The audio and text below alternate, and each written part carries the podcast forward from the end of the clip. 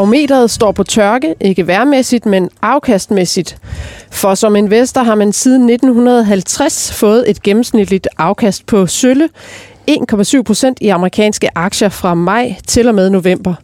Med andre ord, fra nu af og i syv lange måneder står den på fattigmandskost. Ole Søberg, står den også på havregrød hos dig fra maj til november, eller kan du faktisk slå markedet? Det ved jeg ikke, om jeg kan, men øh, jeg, altså et eller andet sted, så er det sådan mere en underholdningsfaktor, øh, fordi jeg tænker langsigtet. Okay. Jeg refererer til Sell May and Go ja, Away. Ja, Sell May, det havde jeg gættet. Du, du er investor og står bag uh, Nordic Investment Partners og trækker på årlang erfaring, øhm, som blandt andet investeringsdirektør, porteføljemanager og ikke mindst tidligere formand i Dansk Aktionærforening. Velkommen, Ole. Tak. Afkastet på de her 1,7 procent er jo et gennemsnit og mål på data fra det brede amerikanske aktieindeks S&P 500, som omvendt giver et gennemsnitligt afkast på hele 6,9 procent fra november til april. Nina Movin, velkommen også til dig. Tak. Holder du øje med markedets sæsonmæssige udsving og timer øh, din køb efter dem? Overhovedet ikke. Nej. Der er ikke noget sell med en go away.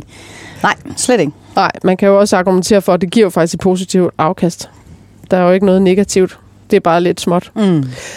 Uh, du trækker også som uh, Ole på overlang erfaring, uh, og du er jo administrerende direktør i Otto Mønsteds fond, og du forvalter cirka 900 millioner kroner. Ja.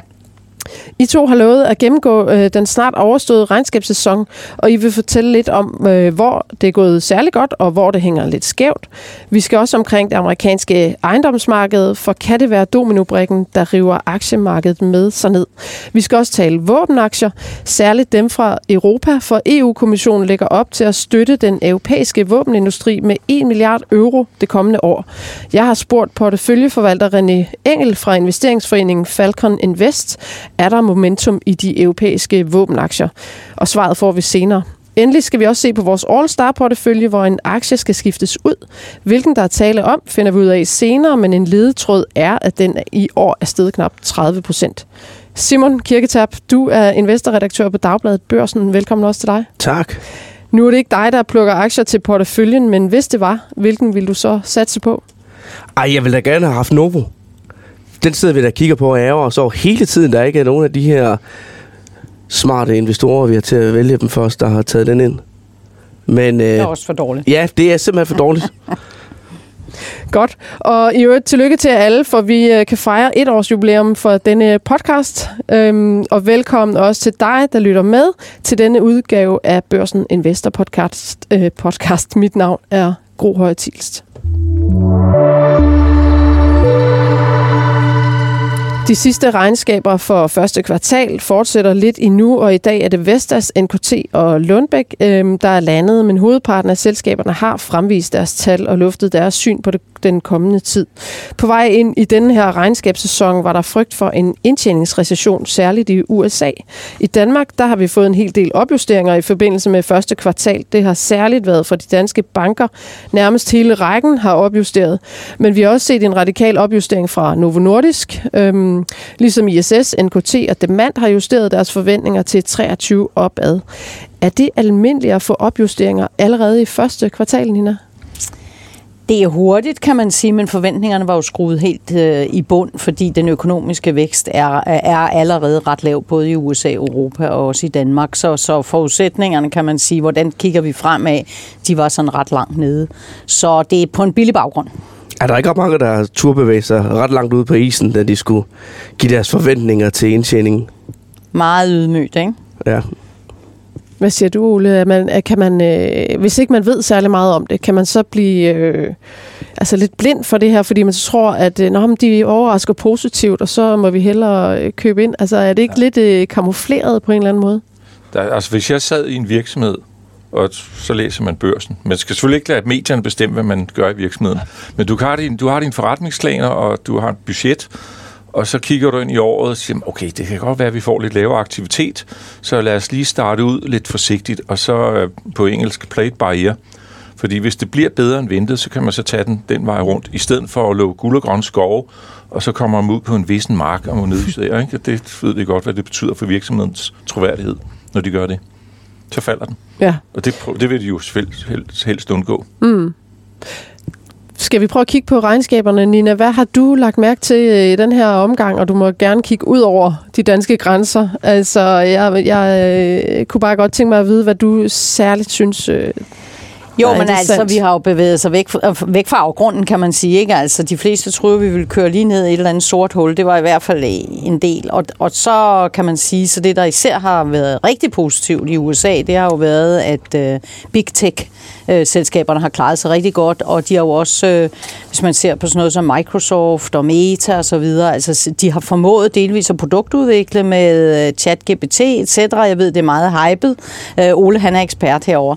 Øh, men øh, Kom nu. han sidder, ja. men, øh, men altså, så, så hele tech-sektoren, synes jeg, er rigtig positiv, også omkring annoncering, altså når vi ser øh, alfabet og så videre. Det gik altså ikke i stå, annoncering. Ikke endnu i hvert fald, og det virker som om, at Meta også har fået styr på sin annonceringsmaskine igen. Så der er sket en masse positivt der. Så har vi øh, selvfølgelig også øh, nogle positive ting omkring øh, det, der hedder... Altså, for, nogle af forbrugsvarerne har jo været sindssygt positive, og det er måske det, der har overrasket allermest. Man kunne næsten godt se, at tech var kørt så langt ned, at der medmindre de faldt helt ud af sengen, de tjener jo stadigvæk styrtende med penge. Men nogle af forbrugsaktierne, jeg ved, I også har omtalt øh, LVMH øh, her i programmet, så topforbrugsvarerne har klaret sig godt, og bunden, øh, eller Walmart etc. har også klaret sig ret godt. Og det ser jeg jo lidt som sådan et tegn på, at hele midtersegmentet af forbrugere har det måske svært, så folk handler nedad, fordi det er blevet rigtig dyre at gå ud og handle i butikkerne, så vil gerne have nogle billigere varer.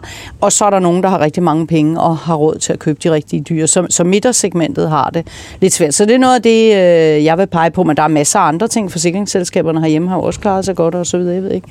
Må jeg lige spørge, altså mm. kan det fortsætte øh, den kommende tid? Uh, det var et svært spørgsmål, det. Ja, det ved jeg. Uh, ja, altså jeg tror, at uh, tech-selskaberne indtjeningsmæssigt kan godt fortsætte herfra. Det tror jeg faktisk godt, de kan. Det, er- det er ægte produktudvikling øh, for nogle af dem. Der, hvor jeg er mere i tvivl, det er bilsektoren, og det er ikke, fordi de ikke kan produktudvikle, men det er simpelthen, fordi konkurrencen er så enormt stor, synes jeg.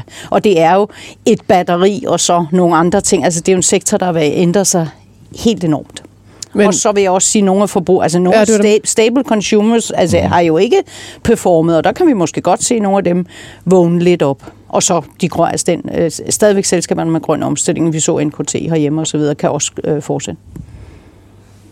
Har du noget at tilføje, Ole, i forhold til regnskaber, hvad du har øh, bemærket? Ja, det, øh, du, du nævnte tech. Jeg, jeg har to ting. Den ene det er tech-aktierne, som der sidste sommer og hen i efteråret, de fyrede 10.000 vis af folk hele tiden.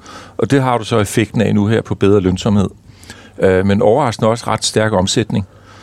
Øh, og den anden ting, det, er, jeg ved ikke, om vi skal tale om det senere i programmet, det er jo, at amerikanske banker, som tog imod enorme øh, indskud, og så placerede dem i lange obligationer, det, det er ikke specielt smart. Det er selvfølgelig meget smart, hvis du kigger på kuponrenten i forhold til den der indskudsrente, du giver, men det er ligesom at plukke mønter op foran en damptrummel, og det må man så konstatere, det har kostet nogle banker livet i USA. Ja, fordi kurserne simpelthen er faldet så voldsomt på Ja, de, obligationer, de obligationerne købte. er faldet. Og så viser det, at nogle af de der obligationer er illikvide på en måde, som ingen havde drømt om, når du ligesom har 10 elefanter, der skal løbe gennem en dør samtidig. Øh, om, om det har en effekt i Europa, det havde I havde en børsen forside om det, at man siger, at der er ikke noget effekt herover, men det skal nok have noget effekt på det amerikanske marked. Den tager vi i hvert fald lidt senere også. Men hvad med regnskaberne? Sådan, er der nogen, øh, du har hæftet dig ved, øh, også måske blandt de danske? Nu er der jo kommet nogen i dag, for eksempel. Altså, hvis jeg må byde ind her, Ja. så faste øh, lyttere, de hørte jo selvfølgelig øh, Vestas topchef øh, Henrik Andersen, da han var herinde øh, i sidste uge. Ja. Og det vi snakkede rigtig meget med ham om, det var jo den her øh, rejse, de gerne skal på, hvor de skal vende deres røde tal til sorte. Og der har vi jo fået deres øh, første kvartals regnskab øh, her til morgen. Og øh, det viser faktisk, at øh, for første gang i, ja, siden Q4 21, der er der øh, sorte tal på bundlinjen igen. Henrik, han var jo meget hemmelighedsfuld, da, da han var herinde i onsdag, så kunne selvfølgelig ikke sige noget, fordi det var jo, øh, det var jo inside-information. Han, han, han sagde, at han var lige så spændt, som, som vi var på, hvor det ville lande henne. Men, øh, men øh, de har et mål om at, øh, om at komme ud af 23 her med, med, med sorte tal igen. De lavede jo et kæmpe hul sidste år på øh, 12 milliarder kroner kæmpe, kæmpe underskud. Der ser det altså ud til, øh, som om, at deres øh, lønsomhed, den er, øh, den er på vej i den rigtige retning igen. Så der, hvis man sidder med Vestas aktier derude, så er der, der grund til at glæde sig over det, vi, vi har set i dag. ja, og det er da flot, en positiv en flot øh, vending.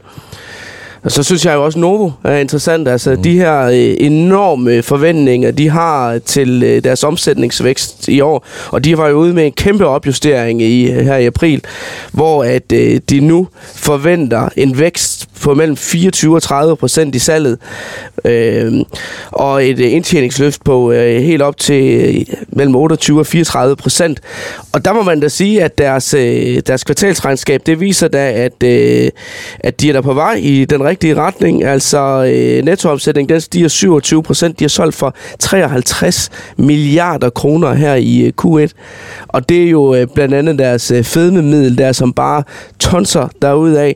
Og deres nettoresultat, det stiger hele 39 procent. Og det er jo... Øh, det er jo virkelig, virkelig voldsomt, de har jo, øh, de har jo retning mod at ramme en omsætning på over 200 milliarder kroner her i, øh, i 23. Der er damp under kedlerne, og der er faktisk så meget damp, så det er næsten deres største udfordring, at ja. de, kan ikke, de kan ikke følge med efterspørgselen på øh, Vegovi.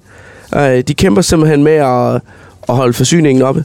Så det er jo virkelig øh, det er jo et positivt problem, at øh, ens varer de bliver øh, reddet ned af hylderne i så højt et tempo, at man ikke man simpelthen ikke kan følge med. Det er ja. værre, hvis de står og samler støv jo. Ja, vi ligger jo alle sammen op på 5%-grænsen. Så vi ligger jo og sælger af, ja. så vi ikke kommer over, og så går vi over i Eli Lilly. Ja, nå okay, ja. Det er, ja, det, det, er jo, øh, det er jo en fare øh, netop ved Novo. Altså også rent kursmæssigt, at den jo er steget så ekstremt meget, så mange skal sælge den ud øhm, ja, hvis man ser, for at balancere. Ikke? Hvis man ser på uh, MSCI Danmark-indekset, uh, som ikke er kappet ligesom C25-indekset, hvor at uh, Novo Max må udgøre 20 procent, så udgør Novo jo langt over 50 procent af den samlede værdi af det danske aktiemarked nu. Ja. Enten er vi et meget lille marked, eller også er Novo meget stor. Virksomhed. ja. Nå, jeg, vil lige... jeg har en, der ja. er en, en tysk virksomhed, som hedder Gersheimer. Og de laver de her glasampuller, der sidder inde i øh, de her Vegovi og Ozempic-pinde, som Novo sælger. Og der hørte jeg, at deres øh, de CEO havde været i London på roadshow, og feedback var, at det var det mest bully CEO, man mødt i overvis. Så han, altså, jeg ved ikke, hvad det kan, han er, hvordan de har klaret sig historisk, men da jeg hørte det der, så tjekkede jeg den. Altså, det er... Altså, lige pludselig er der følgeeffekter hos øh, underleverandørerne hos Novo på en måde, okay. de ikke har set tidligere. Hvor, hvordan er aktien? Er den ikke stukket af allerede? Eller hvad? Jo, jo, selvfølgelig er det, men... Øhm, er der noget at komme efter? Men, ja, så nu begynder folk jo at sidde i gruset rundt omkring. Ikke? Hvad ja. findes der ellers af muligheder? Øhm, så jeg, jeg sidder faktisk og kigger på uh, Zealand Pharmaceuticals, som øh, egentlig også kan have en... Det er jo et lille bit selskab i børsværdi, fordi der er blandt andet ikke så meget indtjening og omsætning for øjeblikket.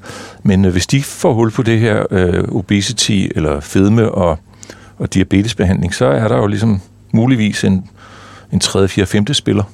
Ja, de kom jo også med et øh, fase... Ja, de kom med noget her i morges, jeg har ikke haft tid at undersøge. Og der var noget med 12 procents øh, effekt på deres øh, øh, ja. middel. Altså, at man tabte sig 12 procent i forhold til, hvad ved jeg ikke, øh, altså over hvilken periode. Jeg ved ikke i forhold til Novos, men det var jo lidt højere, det var vist sådan noget 22 procent øh, var det effekt. 17 procent med Novo og, og 22 procent med... Det var det muligvis. det er i hvert fald lavere. Lidt har jeg lov at være. okay. Øh, jeg vil bare lige sige, at jeg kiggede på noget data fra Factset, og det var dateret 5. maj, øhm, og der havde 85 procent af de her S&P 500-selskaber leveret regnskab. Og de havde i gennemsnit øh, leveret en indtjening, der lå 7% over estimaterne, og igen skal vi huske, de har sikkert været ret lavt sat. Øhm, og kigger man så på, øh, hvordan er, er indtjeningen i forhold til øh, sidste kvartal, så er der tale om et fald på 2,2 procent. Og øh, kigger man så på kvartalet før, så er der også et fald der. Øh, så det er jo to kvartaler med fald i indtjening, øh, og det er vel definitionen på en indtjeningsrecession. Skal vi være nervøse, eller Ja, vi skal bestemt være nervøse. Altså især i visse markeder. Øh, helt sikkert. Nu, nu har vi taler vi meget USA her, og finans er jo noget af det, der blandt andet har, har trukket ned og ikke performer specielt godt derover. Men øh, vi har også noget som England, som jo kæmper, kæmper med høj inflation. Nu så vi renten komme op igen. Der er stadigvæk jobs, det er det, det, er det positive. De kæmper med mm. politisk, øh, ja, der er, der er meget politisk, jeg vil ikke sige uro, men altså der er kritik af det konservative parti og så videre, og så videre. Hvor hvis du går ud og køber ind, så er det blevet dobbelt så dyrt. Så der sker alle mulige ting, og børsen derovre på, på IPO-markedet er jo slet ikke det, den var engang, og de får ikke nær så mange global listings, som de gjorde. Så jeg er bekymret for, for dele, og, og vi kan jo se, at den økonomiske vækst er ikke høj. Så ja, der er bestemt grund mm. til bekymring. Det er som om, det pipler lidt frem. Altså, øh, nu var du inde på den amerikanske banksektor der, ikke? Og så har vi lidt ja. i Sverige, vi har lidt måske i England, øh, og det er sådan forskellige ting, og alligevel hænger det sammen. Okay, er der ellers noget at sige øh, til de her øh, selskaber, der har leveret regnskaber? Noget på sektorniveau, noget, niveau, noget på regioner, eller noget, øh, der er interessant at lige hive frem? Jeg, jeg tog øh, bare sådan helt overordnet på, det er ikke øh, C25 herhjemme, men det er sådan C25 Plus, jeg selv har lavet, for jeg gider ikke sidde og lave om, i, når de skifter ned i bunden, om man så må sige, de mindre ind og ud hele tiden. Men øh, sidste år, så var der en driftindtjening på lidt over 450 milliarder kroner, og den falder så i år til lidt under 350 milliarder. Det er primært på grund af AP Møller. Mm. Øh, eller det er faktisk kun AP Møller, der trækker det her. Så hvis man tager Novo og AP Møller væk, så tager du bundtrækket på de andre. Og der har vi fra 22 til 25 en 30 procent indtjeningsfremgang. Okay. Okay, det var alligevel meget. Det er faktisk usædvanligt højt i forhold til, hvad man ser i resten af verden. Og det er bare konsensustal, det her, så mm. det er ikke noget, jeg selv sidder og regner ud. Øh, men du har altså et bundtræk i det danske marked uden for AP Møller Novo, som også er ret solidt. Mm. Men du har også noget inflation i nogle af tallene, ikke? Altså, jo, jo, jo. Ja. Men, Men det, når man sidder og kigger på, ja, ja, langt. på uh, S&P 500 mm. eller Eurostox, så er den samme periode ligger de kun på omkring 20 procent. Ja. Ja, nu er det jo fremskrivninger, det her. Så, øh, ja, det er alt er fremskrivninger. Ikke, mm. Men interessant tal. For det der, vi ender. Hvad har skuffet? Her hjemme? Alk, måske? Ja, alt. Der er ikke mange, der har skuffet? Nej, dem vi har løbet lige igennem i går, det var, der var en, der overraskede mig, det var, at øh, FLS havde faktisk fået nogle ordentlige løft på indtjeningssystematerne i løbet af de sidste par måneder her. Men hvis vi sådan skal kigge efter de store kurslåsinger, så er det vel nærmest kun øh, alt, der sådan virkelig har fået en over nakken. Den faldt jo, var det ikke nærmest en 20-25 procent på en enkelt handelsdag, da jo. de kom jo. med et regnskab, som ellers sådan på overfladen øh, lød som om, uh, alt var som forventet. Oh. Og når man så gik ned i det, så stod der, at det her meget, meget vigtige tabletsal for øh, allergi, øh, det faktisk øh, skuffede noget på det europæiske marked. Præcis. Ja. Var... Men øh, det må vi lave om på, for vi, vi har næsten en aftale om, at vi skal have den der høfeber-vaccine øh, næste år. ja, vi sidder lidt her med snotnæser med vores allergi i hvert fald. Ja, det er godt. Ja, vi skal jo tage det flere år, ja.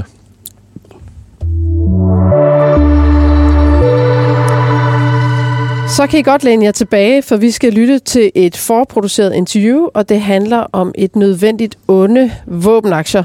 Siden den russiske invasion af Ukraine i februar sidste år, har mange investorer set våbenaktier løfte sig ikke kun i kursværdi, men også som en investeringsmulighed, der nu kan røres ved, fordi den lettere kan forsvares etisk. Velkommen til dig, Peter Lindegård. Du er investeringsdirektør i Industriens Pension. Tak for det. Velkommen. Har, har krigen i Ukraine ændret jeres syn på og mulighed for at investere i våbenaktier? Nej, det har den sådan set ikke, fordi vi har altid haft muligheden for at investere i, uh, i våbenaktier, for så vidt, at det ikke var konventionsstridige våben, altså landminer og den slags, eller at det var uh, våben, som var lavet af nogle øh, regimer, som vi ikke var glade for. For eksempel underkomponenter til atomvåben, som, som ikke var en del af, af NATO's øh, arsenaler, og, og som vi havde kontrol over. Ja, så I har ligesom screenet øh, altså, de værste fra, kan man sige. Øhm, men, men så øh, kom invasionen. Altså har I så allokeret mere mod den her type aktier end før invasionen? Nej, altså vi har ikke, altså det, det svinger lidt, fordi i virkeligheden så er, er, er vurderingen jo en vurdering, der ligger hos vores øh, porteføljeforvaltere, om de synes, de her aktier er interessante ud fra sådan en risiko-afkastperspektiv. Øhm, så hvis de synes, at de er billige, øhm, altså prissat mm. indtjeningen i forhold til indtjeningen er prissat billigt, jamen så vil de så købe ind i den. Og der indgår selvfølgelig øh, udsigterne til øh, hvad skal jeg sige, fremtidig efterspørgsel, som kan være påvirket netop af krigen i Ukraine, eller at EU nu har kommet og sagt, at øh, de vil smide nogle flere penge efter øh, og, og få fyldt ammunitionslærerne osv. Men det skal ligesom måles i forhold til, jamen, hvad er det så for en pris, som de her aktier handler til? Fordi, som du også sagde tidligere, jamen, altså, de aktier er steget ret meget allerede. Så det inddiskonterer de allerede nu. Øhm, øh, de forhold, der er øh, på, på, på det her marked. Og så skal de selvfølgelig også overveje, jamen, hvad er risikoen, og det, og det er jo en lidt bizarre risiko i øjeblikket, nemlig risikoen for, at der opstår fred. Øh, Ja. hvad, hvad, hvad vil det koste? Øhm, så, så, så, men, men, men vi har ikke udelukket de her virksomheder på noget tidspunkt, så der har altid egentlig været et spørgsmål om en vurdering af, at det er en god, er det her en god investering, eller er det, øh, eller er det ikke? Ja, så nu var du selv inde på det, at EU har, øh, jeg tror ikke, det er stemt igennem endnu i parlamentet, men kommissionen har i hvert fald sagt, at de vil investere en milliard øh, til de europæiske våbenproducenter.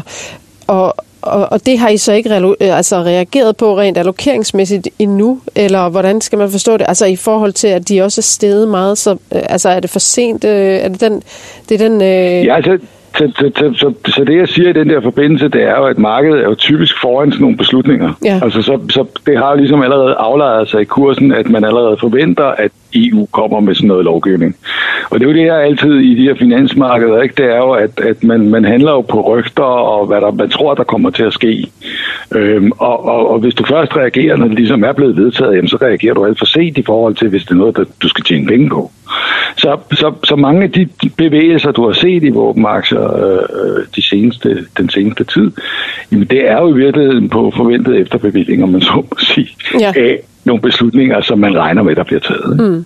Og så er det jo også interessant, du siger, at risikoen det er faktisk øh, risiko for fred. Altså, det vil sige, at så skal I altså arbejde med nogle anderledes af, afkastscenarier end dem, I har haft her de sidste øh, halvandet års tid. Og, og hvad er det for nogle scenarier, I så arbejder med? Kan du sige lidt om det? Men det, men det er klart, at der, altså, det, der er selvfølgelig noget usikkerhed på, øh, jamen, hvad, hvor lang tid vil den her sådan, efterspørgsel være der. Nu er der jo noget, der tyder på, at, at, at den vil være der i en rumtid fremadrettet, ikke? fordi at der er nogle ammunitionslager, der skal fyldes op, øh, og øh, der, der er jo ikke noget, der tyder på, at den her sådan, konflikt holder op øh, lige her øh, inden for, for en overskuelig fremtid, desværre. Så, så på den måde virker det jo som om, at, at jamen, øh, men der er ikke noget problem. Jeg siger bare, at, at, at lige præcis i den her sammenhæng, så det, der kunne ændre tingene, var jo, at man altså, lidt klart sagt, at, at, at man opnåede en, en fredslutning et eller andet sted. Så, så det er bare, at, at, at det er jo, det er jo man skal vurdere alle risikoparametre, når man laver de her investeringer, og hvad der kunne ske fremadrettet. Og, og det vil sige, hvor lang tid tror man, tror man på, at den her sådan, over efterspørgsel, den vil fortsætte. Og det er jo det, som man så skal bage ind i den øh, prisforventning, som man har på de her aktier. Ikke? Mm. Og nu vil jeg bare lige sige, at jeg har fået at vide, at I har aktier i Airbus, Boeing, Safran, Lockheed Martin, Raytheon Technologies, Northrop, tror jeg det udtales, Grumman, Ja, Northrop Grumman, ja, ja. TransDigm Group og Rolls, øh, Rolls-Royce. Øhm, Ja. Og hvordan har de ligesom performet, altså i forhold til, hvis det er en afkastklods, altså hvordan har de så performet i forhold til de andre klodser, I har liggende i, i porteføljen? Jamen altså generelt har det der segment jo gjort det godt. Øh, altså så, så det det her, der hedder aerospace og defense, altså de her aktier ligger inden, indenfor. Og de har jo gjort det, de har jo gjort det rigtig godt her det seneste års tid. Jamen, den her sektor har gjort det bedre end de andre. Jeg kan ikke, øh, jeg kan ikke lige præcis sige, altså i procenter, hvordan, Nej, har, nej, den, det hvordan var- har den gjort. Så den, men den har, den har, den har outperformet de øvrige sektorer, ikke? Ja. Øh, på, på, på den her mellemlange periode, ikke? Og, og nu har I 0,9 procent altså, øh, allokeret. Altså, I har i alt 390 millioner kroner investeret i våbenaktier, og det svarer så til 0,9 procent af den udenlandsk noterede portefølje. Peter Lindegaard, mange tak, fordi at øh, du ville medvirke og svare på de her spørgsmål. Hvad siger I her i studiet? Øhm, har I etiske skrubler øh, med at investere i, i våbenaktier? Ja, vi har haft forbud, og det overvejer vi, øh, hvad der skal ske med det nu. Men øh, så enkelt er det. Jeg havde, når jeg kørte min egen fond, der havde jeg selv pålagt mig nogle forbud. Og også tobak og noget andet. Men altså, nu er jeg jo ligesom fri som fuglen, ikke? men jeg har valgt ikke at investere i det alligevel. Fordi du, når du kigger på det på lang sigt, så har det de sidste 15 år, så har det været sådan lidt øh, ligeуdsejling, og så sker der en geopolitisk event, hvor efter hele sektoren her i Europa stiger 90 procent, og indtjeningsestimaterne er stedet tilsvarende. Og som Peter lige nævnte, jeg håber virkelig, at der kommer fred, og så får vi en normalisering, mm. og så skal der ikke øh, investeres i nye våbensystemer og ammunition på samme øh, måde, som der har været. Men det har jo ændret noget, det her. faktisk for lige omkring et år siden, da vi startede den podcast her, der var et af emnerne i et af de allerførste afsnit, det var netop våbenaktier. Mm. Og på det tidspunkt, der kan jeg da huske, at der var der en række større forvaltere, som var ude og ændre ved deres synspunkt i forhold til, at man kunne investere i det her eller ej. Jeg mener, at ECB i Sverige blandt andet var ude og på det tidspunkt åbne op for, at nu kunne man godt tage en gruppe af forsvarsindustriaktier ind i porteføljen. Og der var jo en enorm hype, eller hvad skal man sige, omkring de her aktier der i foråret sidste år. Hvis man ser sådan noget som tyske regnmetal, den hammer op af, den har siden øh, starten af, af 22 leveret et øh, afkast på øh, 226 procent. Vi har Saab, øh, svenske Saab, som har leveret 160 procent i den periode. Og det er jo sådan et billede på den europæiske forsvarsindustri, som virkelig øh, ser ind i en massiv oprustning, og der bliver kanaliseret milliarder af milliarder ind i nye investeringer i det område her. Så deres øh, markedspotentiale, det voksede jo kraftigt over natten, da, øh, da Rusland angreb Ukraine. Og det kan man sandelig også se på aktiekurserne, som skød op. Men altså, spørgsmålet det er jo, om det her ikke er et tema, som er kørt. Og det er jo også det, øh, Peter han siger i det interview, at man øh, kommer nok en postgang for sent, hvis man går ind i de aktier nu, fordi det her helt store boom har jo været der. Man skulle nok, øh, hvis man havde været en smart investor, der vil, øh, der vil tage det bet her øh, øh, på krig, hvilket ikke er sådan øh, det mest øh, behagelige scenarie at kigge ind i, jo, så skulle man jo have købt de aktier her, da man kunne se, at øh, de russiske øh, troppeopbygninger øh, skete på, på grænsen til Ukraine. Ja, jeg øh, har jo øh, faktisk øh, spurgt som øh, nævnt, øh, at øh, ja, i Falcon Invest, der bruger man netop øh, momentumstrategien. Og der har jeg så spurgt deres porteføljeforvalter René Engel, fordi øh, momentumstrategi kan man netop øh, sige noget om øh, statistisk set, øh, noget kvalificeret, undskyld, noget kvalificeret om den fremadrettede udvikling. Fordi der er en større statistisk øh, sandsynlighed for, at aktier, der er steget eller faldet meget over et halvt til et helt år, fortsætter retningen det næste halve til hele år. Så det der med at kigge tilbage på, hvordan er det gået, det kan man jo som sagt ikke bruge til noget, men så er det momentumstrategien måske kan hjælpe os. Og øh, han har så kigget på, øh, hvor stærk momentum er i det europæiske våbenaktier relativt set til de globale. Og han har øh, kigget på Airbus, regnmetal, som du nævnte, Simon, BAE Systems og Safran, øh, fordi det er de fire aktier, der ligger, der ligger i deres øh, investeringsunivers. Og der altså, er den tydelige konklusion, at de har Særligt øh, BAE Systems har simpelthen øh, haft en øh, accelererende momentum i hele perioden øh, siden øh, sidste sommer til i dag.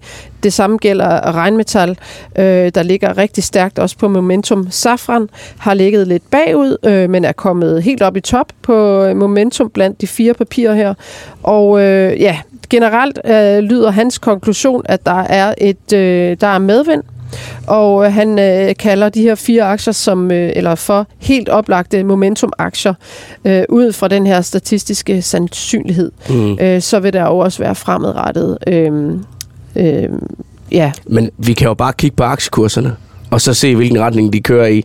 Det er jo ikke sådan, at øh, foden er lettet fra gaspedalen endnu, men det er jo et tema, som er kørt langt, og spørgsmålet det er jo, hvor meget længere kan det køre. Ja, men det er derfor, at Momentum det, så måske det, kan sige noget. I hvert fald statistisk set ja. siger de noget om den næste halve til hele år. Men det er spørgsmålet. Bruger I uh, momentumstrategi? Nej, men yes, når du læser det der op, det lyder jo overbevisende, og det bliver jo nok også Fortrip Europe her, øh, så, der, så der er nok noget ekstra. Men det, man også kan investere i, det er jo hele data. Altså Palantir sprang jo op i går på nogle gode tal, 22 øh, procent op eller sådan noget. Altså, der og er jo helt, de? Det er data. Altså ja. analyse af hinanden. Hvad laver vi? Og, sådan intelligence. Yes, øh, og hele chipindustrien. Det tror jeg. Ja, billederne fra ja. de her Maxar-billeder fra Ukraine de har typisk lige været igennem en øh, Palantir-oprensning. Okay. så, så de har en højere... Ja. Ja. Men er det så... Og billeder. Og, og billeder. Det, det tror jeg mere Er det så noget, du godt kan investere i? Ja, det vil jeg kunne. Ja. Det, det samme med chip, altså de leverer jo også til våben. Det kan man jo også godt. Altså det er jo, der, det er jo svært at skille, hvad er hvad. Øhm, okay. Men, men øhm, Skal vi øh, lukke den af her? I har Der- ikke øh, har lige en- nogen en våben. lille, øh, ja, undskyld. ting, fordi øh, jeg er advisor for de her AI øh, Alpha Labs, og i december 22, slutter 21, nej 22, der ligger de så med, der har de pillet nogle af de her forsvarsaktier ud med 13 procents vægt i porteføljen. Og det er de bruger højt. også momentum. Eller hvordan? Ja, det er en blanding af momentum og volumen Okay. okay. og øh, alt Okay. muligt. Og AI Den der og- Ja. brød. Øh, så, så det er sådan lidt øh, svært at sige, hvad det Ja. ud på. Men, Men hvad den ligger de også ud? meget tungt inden for energi, faktisk endnu mere tungt inden for energi. Okay. Og hvad var, var det for nogle aktier, de pillede ud? Kan du huske? Northern, Northern Okay. øh, Grumman. Grumman og Boeing. Altså puttede dem i porteføljen, eller tog dem ud Jeg af siger porteføljen? det, at det er inspiration til eksponering nu her, Ja, okay. eller på det tidspunkt. Ja. Okay, øh, og så i forhold til lige at runde øh, momentumstrategien, så er den jo, den har faktisk haft det svært, fordi der, når der foregår hyppige øh, rotationer i, i aktiemarkedet, så kan øh, der ikke findes noget momentum, så det skal man også bare lige være opmærksom på. Vi har talt om det flere gange før, bankkrise, og indtil videre er bankkrisen i talesat øh, som isoleret tilfælde, hvor dårlig risikostyring har kostet få banker livet, men øh, nu tyder noget på, at bankerne ligger inde med dårlige lån i ejendomsmarkedet. Nu citerer jeg, de amerikanske regionale banker er fulde af dårlige lån i ejendoms øh, eller i erhvervsejendommen. Det lød det øh, for to år siden i Financial Times, da avisen havde talt med 99-årige Charlie Munger. Han er vicebestyrelsesformand i Warren Buffetts investeringskonglomerat Berkshire Hathaway. Og øh, han kender i hvert fald den amerikanske banksektor ret indgående. Vi har over de seneste år også øh, set øh, den svenske ejendomssektor i vilde problemer, øh, og her skal en tredjedel af sektorens gæld refinansieres hvert år, og det er jo pænt svært, når renten skyder op. Så fra få brødne kar i USA og en i Schweiz øh, til måske en hel ejendomssektor, ikke bare i Sverige, men også i USA.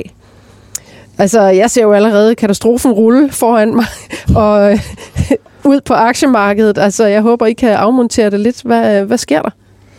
Altså, jeg hørte jo også Berkshire Hathaway, og han, han blev blandt andet spurgt, øh, hvad nu hvis vi ikke havde reddet eller, øh, Silicon Valley Bank, som var den første, der gik ned, og så sagde han, det ville have været en katastrofe. Og det er jeg faktisk øh, enig, og jeg er også enig i, at de regionale banker, den krise er ikke overstået endnu. Jeg tror, det var Financial Times, der skrev, øh, det er kedeligt, at shortsellerne ikke har fået det memo om, at bankkrisen er overstået. Så, så det er det klart ikke derovre. Så når vi så kommer tættere på, på hvor vi selv befinder os, så er vi jo i, vi er i EU. Nordea er Øh, Finland, jo, og der er, øh, der er et andet setup omkring bankerne, så jeg, jeg, vil, jeg vil bestemt skælne, og så vil jeg overlade de svenske banker til andre og kloge sig på det, ikke? Men, men øh, jeg vil skælne, og jeg tror ikke, at ejendomssektoren som sådan kommer til at, at hive hele banksektoren øh, ned. Nej, også fordi der er en anden kapitalisering i bankerne, end øh, da vi havde den forrige krise i 08, 09, 10, hvor at bankerne jo faldt på stribe. Der står vi jo i en anden situation i dag. Jeg vil også gerne lige skyde ind, bare lige hurtigt, øh, at jeg faktisk også så i Financial Times i dag, ud af de 4.400 banker, de har i USA, så er det 5 procent, der første kvartal har landet et øh, regnskab med underskud. Det er 197 banker. Så ja. der er måske også ekstremt meget fokus på Det er der. meget få spillere. Det er der helt sikkert, men øh, aktiemarkedet er jo bygget op på den måde, at øh, man jagter altid det næste at være nervøs for. Og nu har vi de her regionalbanker i USA, som har lidt øh, store tab på de her øh, pla- ko- øh, korte placeringer i, øh, i obligationer, der er faldet i kurs. Der har de fået en på, på hovedet, og nu frygter man så, at øh, deres øh, massive eksponering til særlige øh, erhvervsejendomsudlån kan give dem øh, det næste slag. Altså det er sådan, at øh, Øh, de her, den her gruppe af banker, de ligger med, øh, med, med 28,7 procent af deres udlån rettet mod erhvervsejendomme. Det øh, har jeg set i en analyse, øh, JP Morgan har lavet. Så det er klart nok, hvis, hvis den del af markedet begynder at sætte sig, det er der nogle ting, der peger på, at den gør, så kommer det til at gøre ondt i den samme del af banksektoren i USA, som har lidt de her obligationstab, som er isoleret til, til de mindre øh, og mellemstore regionalbanker, fordi de er underlagt et andet regelsæt end de helt store banker i forhold til, hvordan de skal indregne de her obligationer. Øh, så så det, det, der er i hvert fald tændt en advarselslampe der. Og så har vi den svenske del, som jo er en lidt anden historie, men hvor der også øh, er... Øh, er, øh, er sprækker i, i ejendomsmarkedet. Og der kan man jo sige, det er jo sådan nok der, vi sådan kan få de største øh, øh, impact ind i, i dansk økonomi, fordi vi har faktisk en, en række svenske ejendomsinvestorer, der er massivt eksponeret mod, øh, der, øh, mod øh, København. Blandt andet øh, Heimstaden, som har gæld for øh, 200 milliarder, milliarder svenske kroner. Og hvis man ser på, hvor meget stress der er i sendt i retning af de her øh, svenske ejendomskæmper, så øh, Heimstaden, deres øh, seniorobligationer, de handler nu til 21% i rente, mens de mest risikable obligationer 30% i rente. Det er altså... Det er jo helt vildt. Ja, og det siger jo noget om, hvor stor usikkerhed investorerne de udtrykker mod sådan et selskab. Og den svenske ejendomsindustri er, er, er noget anderledes, end vi har i Danmark, fordi de finansierer sig utrolig meget via obligationsudstedelser i markedet. Og det er så der, Gro, du også siger det der med, at de skal, de skal rulle en tredjedel af de her obligationer øh, mm. lån hvert år. Og det betyder jo, at de der massive rentestigninger, de kommer jo meget, meget hurtigt ind i bøgerne ved, ved de her ejendomskæmper. Og nu har vi haft øh, svenske SBB, som blev nedgraderet til junk af ratingbyrået SAP øh, her i mandags. Og det betyder faktisk, at, øh, at, at de skal betale yderligere 1,25 procent point i rente mere på deres udstående obligationer. Det er en ekstra regning på 300 millioner svenske årligt. Det kan altså godt øh, gøre, om man, øh, om man går fra plus til minus i øh, sine regnskaber. Og sådan et selskab som SBB, der er 89 procent af børsværdien forsvundet siden starten af, af 22. Mm. Jeg så faktisk, at det steg 10 procent her i dag øh, på baggrund af en øh, analyse, eller, og nu er den så tilbage i minus 3,5. Ja, det var på en altså. kedelig baggrund, at den øh, rebounder lidt. Dead cat bouncing. Men, men hvad tænker I? Er der ikke masser at være nervøs for? Øh, altså ejendommen, de forsvinder jo ikke, fordi selskaberne forsvinder. Så det, det er rekapitalisering, det hele. Ja. Og, og ejendomsselskaber, de er jo kendetegnet ved at have en ret højt gældsætningsgrad, og jeg, holder, jeg har egentlig holdt mig væk fra det i, i lang tid. Øhm, så jeg kigger jo bare på det. Og ja, den her SBB, den opdagede jeg i går, fordi den faldt, hvad var det, 30 procent eller sådan noget, så dukkede den op den på, faldt 24 i går. Den har nok været længere ned over dagen.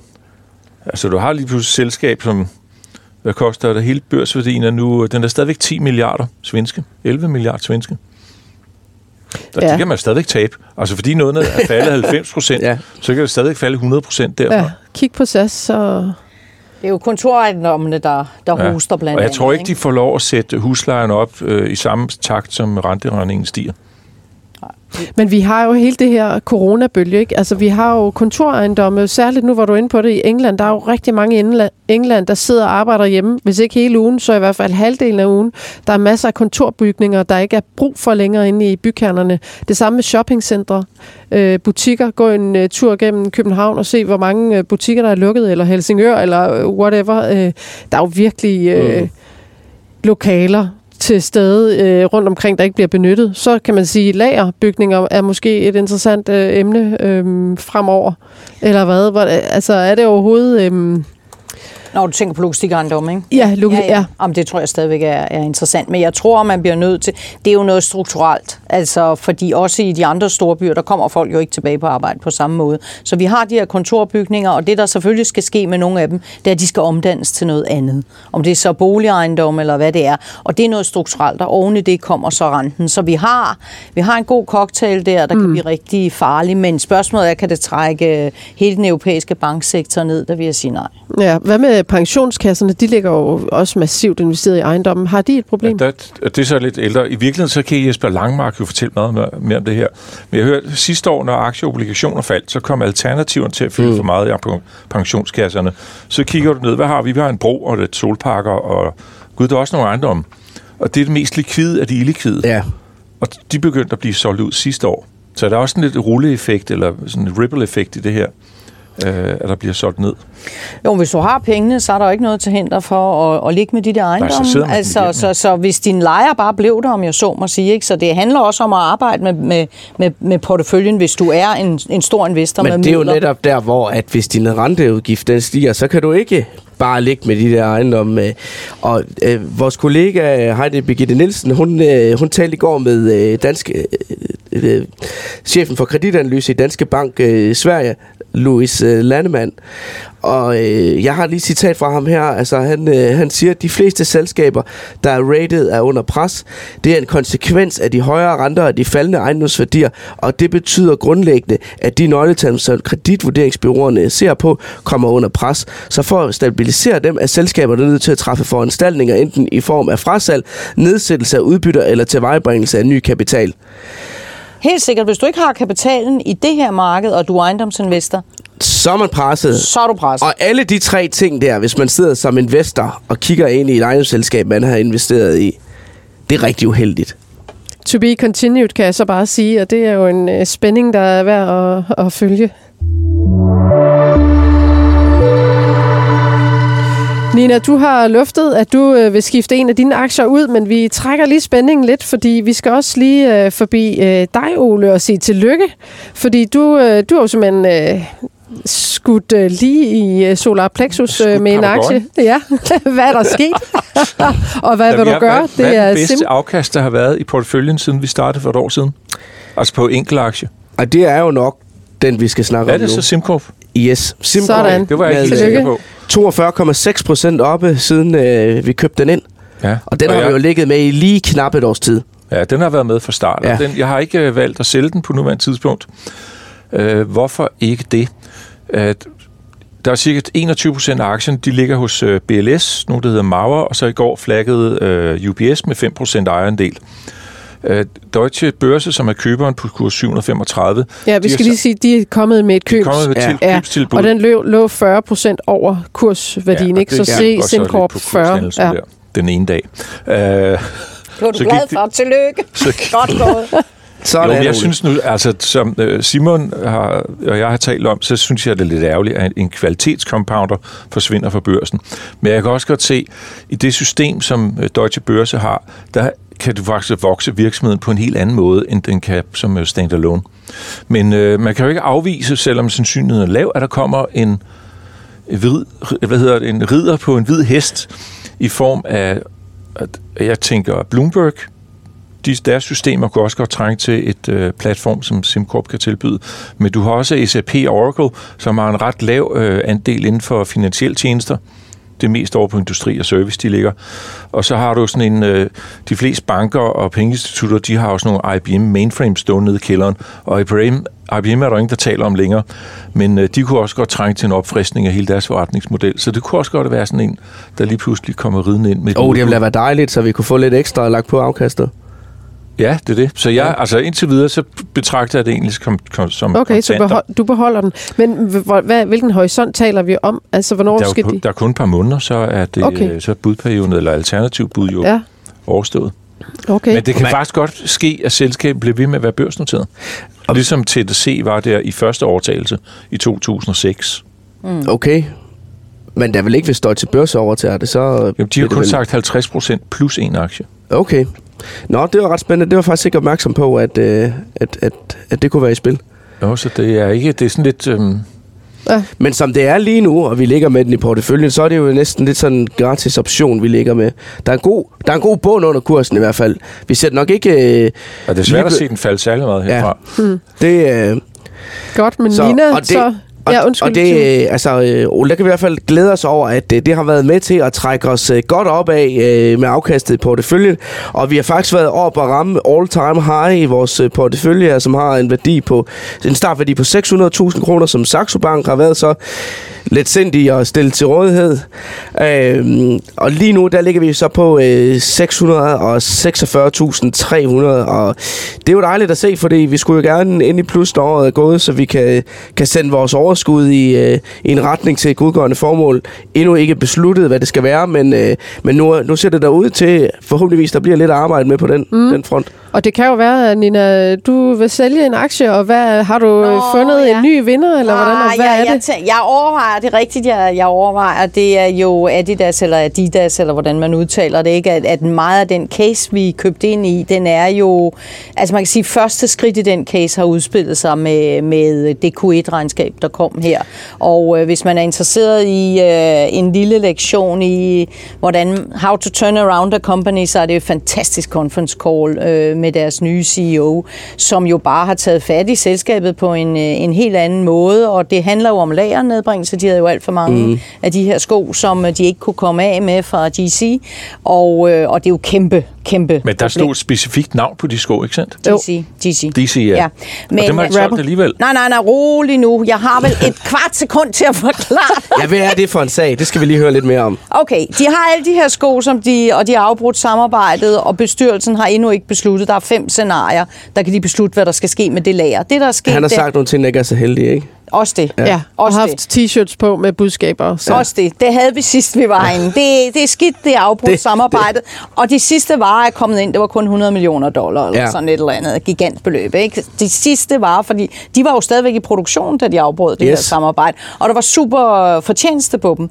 Nu siger han, vi skal tilbage til rødderne, vi skal genoptrykke de gamle t-shirt fra 80'erne og 90'erne. Det vil vi jo elske. Øh, vi skal have de gamle sko på hylderne igen. Vi skal have kunderne ind øh, på campus her, og så skal vi lave noget sammen med dem. Vi skal have medarbejderne ind. Vi skal have en større frihed, når vi øh, markedsfører øh, ude i de enkelte regioner. Vi er ikke sådan centralistiske, så han er ligesom åbnet selskabet op igen. Han holder det samme marketingbudget som hidtil, og han siger, at vi, vi satser på fodbold, og vi satser på mm. kvinder. Uh, Kvindelig, kvindelig Hvorfor vil du af med den? Ja, og det var det. Så sad jeg derhjemme og analyserede, og så tænkte jeg, Mm, jeg tror, jeg beholder den lidt endnu, men okay. kun lidt endnu. Og grunden til at være med det er lidt ligesom, da vi havde Danske Bank. Nu har vi den stadigvæk. Ja. Men det er jo en case, og når den begynder at udspille, så er der bare faktisk tjent de penge. Ikke? Altså mm. sidste, sidste kvartal tabte jo big time mm. på grund af nedskrivning. Så skal man sige, er den her case udspillet nok? Fordi det her, det kommer til at tage rigtig lang tid. Ja. Og ja. derfor kunne man godt sige, når man nu har den lavet, altså den steg jo så 9% på det der conference call, ja. blandt andet. Ikke? Så, så det er derfor, men jeg vil godt lige, jeg skal lige tænke mig lidt mere om. Men det er klart, at jeg har kigget, jeg har også overvejet, hvad jeg godt kunne tænke mig at købe i stedet for. En super spændende aktie. Ja, det må man sige. Nu er det jo altid godt at få en second opinion på de investeringer, man har lavet. Så øh, lige inden øh, vi skulle øh, optage i dag, så ringede jeg faktisk til Dan Weisse, der er porteføljeforvalter i MV Compounders. Okay. De ligger også med Adidas-aktien. Og ja, det var sådan lige for at få, øh, få lidt input fra ham i forhold til, hvad det her regnskab, øh, de kom med i, øh, i fredags, øh, Adidas. Og han siger, det er et rigtig dårligt regnskab faktisk. Øh, men øh, det var også det, der var øh, forventet. Aktiekursen, den steg jo så. Øh, og han siger også, at han har altså ret stor fidus til, øh, til Bjørn øh, Gulden, først tidligere Pandora øh, topchef. Og ude hos MV, der ser de også det her med lagerbeholdning begynder at se bedre ud og så videre. Og det, altså, Dan han siger også, at, øh, at det er godt nok dårligt, men det skal nok blive bedre. Og den her turnaround case, den er slet ikke, øh, den er slet ikke færdig med at løbe endnu. Så, øh, så de holder den i hvert fald, og vi holder den lidt endnu. Vi holder den lidt endnu. Ja. Så det var falsk øh, markedsføring. Sorry, ja, øh, ja, det, det gør ikke noget. Havde... Ja, og så skal vi også bare sige, grunden til, at øh, du eventuelt ville sælge, det er jo selvfølgelig, fordi vi løber på et år, og øh, det er et afkast, øh, som øh, er en meget kort tidshorisont i forhold til, hvad man ellers gør derhjemme måske med sin portefølje. Så øh, ja, det var ja. derfor. Tag de hurtige men, gevinster. Men altså, Nina, øh, kæmpe respekt for dig i vores øh, portefølje her som øh, stockpicker, fordi øh, altså, det er jo næsten sikkert gevinst, hver gang du vælger en aktie. Ja, roligt. Ja, ja, men altså, du startede... Noget. Jeg skal nok du, finde noget, der kan falde. Du, du startede jo med at købe øh, Danske Bank og Mørk. Ja. Mørk har vi stadigvæk. Den ja. lader op med 34 procent øh, siden Godt købet. Resultat. Så var der Danske Bank. Du købte øh, på forventning om, der kom en afgørelse i øh, den her store hvidvasksag. Mm. Den kom. Hmm. Ud med den. Ud med den. Den steg. Øh, den risiko forsvandt. Så købte øh, du ABB for provenyet. Den havde vi en kort periode. Hmm. Så scorede vi en gevinst på, jeg tror, et eller andet sted mellem 10-15 procent. Hmm. Så solgte vi den. Så købte du Adidas i starten af året, og den er nu op med 10 procent. Så... Øh, Stille du har haft en god hånd. Stille det kan da godt være, at vi skal begynde også at lave legater, altså uddele legater med det der. Vi skal tjene nogle penge. Så ja, vil du øh, runde porteføljen af? Jeg... Er der mere at sige til den? Nej, altså, øh, der er ikke sådan øh, de helt vilde øh, bomber, øh, udover at øh, Ole, den der Alibaba, vi købte for lidt tid siden, den er vi jo nede med 18 procent på øh, dit valg der. Så, ja, det, hvis du husker det, så faldt SimCorp også efter, jeg havde købt Det er rigtigt, det er rigtigt. Så jeg, jeg starter altid med at komme bagud på point, og så prøver at indhente det efterfølgende. Nu kommer Alibaba kommer med regnskab den 18. i næste uge. Ja. Øh, og øh, der kommer sikkert noget mere frem omkring frasalg af de fem enheder, som de har sagt, de vil sælge. Og hvis man justerer for det, så har du altså en, en virksomhed, der vokser 10-12 procent om året. De har justeret for, for øhm, frasalget, så har de en return on capital på 20 procent, hvilket er ret godt. Og en, de handler med en PE på 10. Så det, altså, det, Det er ikke dyrt. Det, det er faktisk deep value. Og kinesisk pengemængde, den vokser 13 procent for øjeblikket, i modsætning til her i Europa minus 1 procent, og USA, hvor der er en kontraktion på 4 procent. Og alt andet lige så kører aktier, de har tilbøjelighed til at være korreleret med pengemængdeudviklingen. Så der, der er mange Så der ting, er der tager det positivt, men der er også geopolitisk modvind, og det er det, der har kostet point indtil videre. Så vi håber, at øh, vinden den vender lige om lidt, og vi får den aktiekurs løbet, løftet op af os. Øh, vi har pt. 11 aktier i øh, vores portefølje her, valgt af vores øh, All-Star team, hvor Nina og Ole er, er to af de, øh, de skarpe investorer. Hvis øh, I derude vil se porteføljen i den sammenhæng, så lægger vi som sædvanligt et link ind i podcastteksten, så man kan se den på Saxo Banks hjemmeside.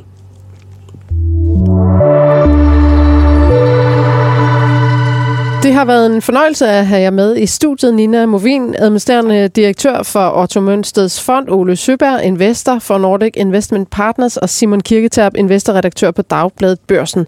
Til dig, der lyttede med, husk at blande inspiration og idéer fra andre med lige dele sund skepsis og egne analyser. Husk også at skrive til investorsnablagborsen.dk, hvis du har spørgsmål, ris eller ros. Arjuna Alexander Kolkur Sørensen stod for teknikken. Mit navn er Gro Højer Tilst. Tak fordi du lyttede med.